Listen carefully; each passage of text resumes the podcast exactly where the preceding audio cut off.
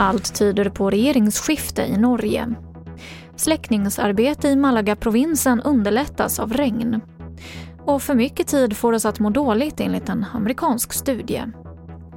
TV4-nyheterna börjar i Norge där väljare under hela dagen har strömmat till vallokalerna. Och alla opinionsundersökningar pekar på regeringsskifte.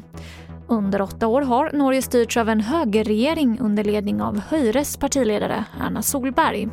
Men nu tyder allt på att Arbeiderpartiets ledare Jonas Gahr Støre blir Norges nya statsminister.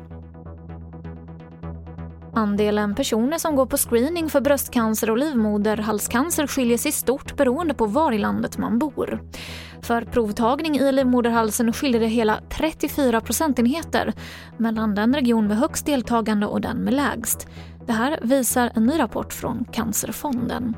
Vi vet ju att kopplat till vilken inkomst man har, vilken utbildningsnivå så skiljer det sig väldigt mycket. Har man lägre inkomst, kortare utbildning så är sannolikheten större att man inte går på de regelbundna kontroller man blir kallad till. Det sa Ulrika Årehed Kågström som är generalsekreterare på Cancerfonden. Så till Spanien där bekämpningen av den stora branden i Malaga-provinsen nu underlättas av regn. Branden började i onsdag som misstänks vara anlagd.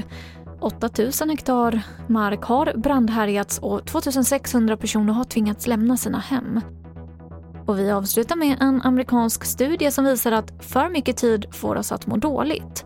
Forskarna har gjort flera studier med 30 000 amerikaner som hade jobb eller var sysselsatta. För lite fritid skapar stress, men likaså för mycket.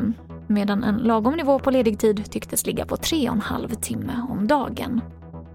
Och fler nyheter hittar du i vår app TV4 Nyheterna. Jag heter Emily Olsson.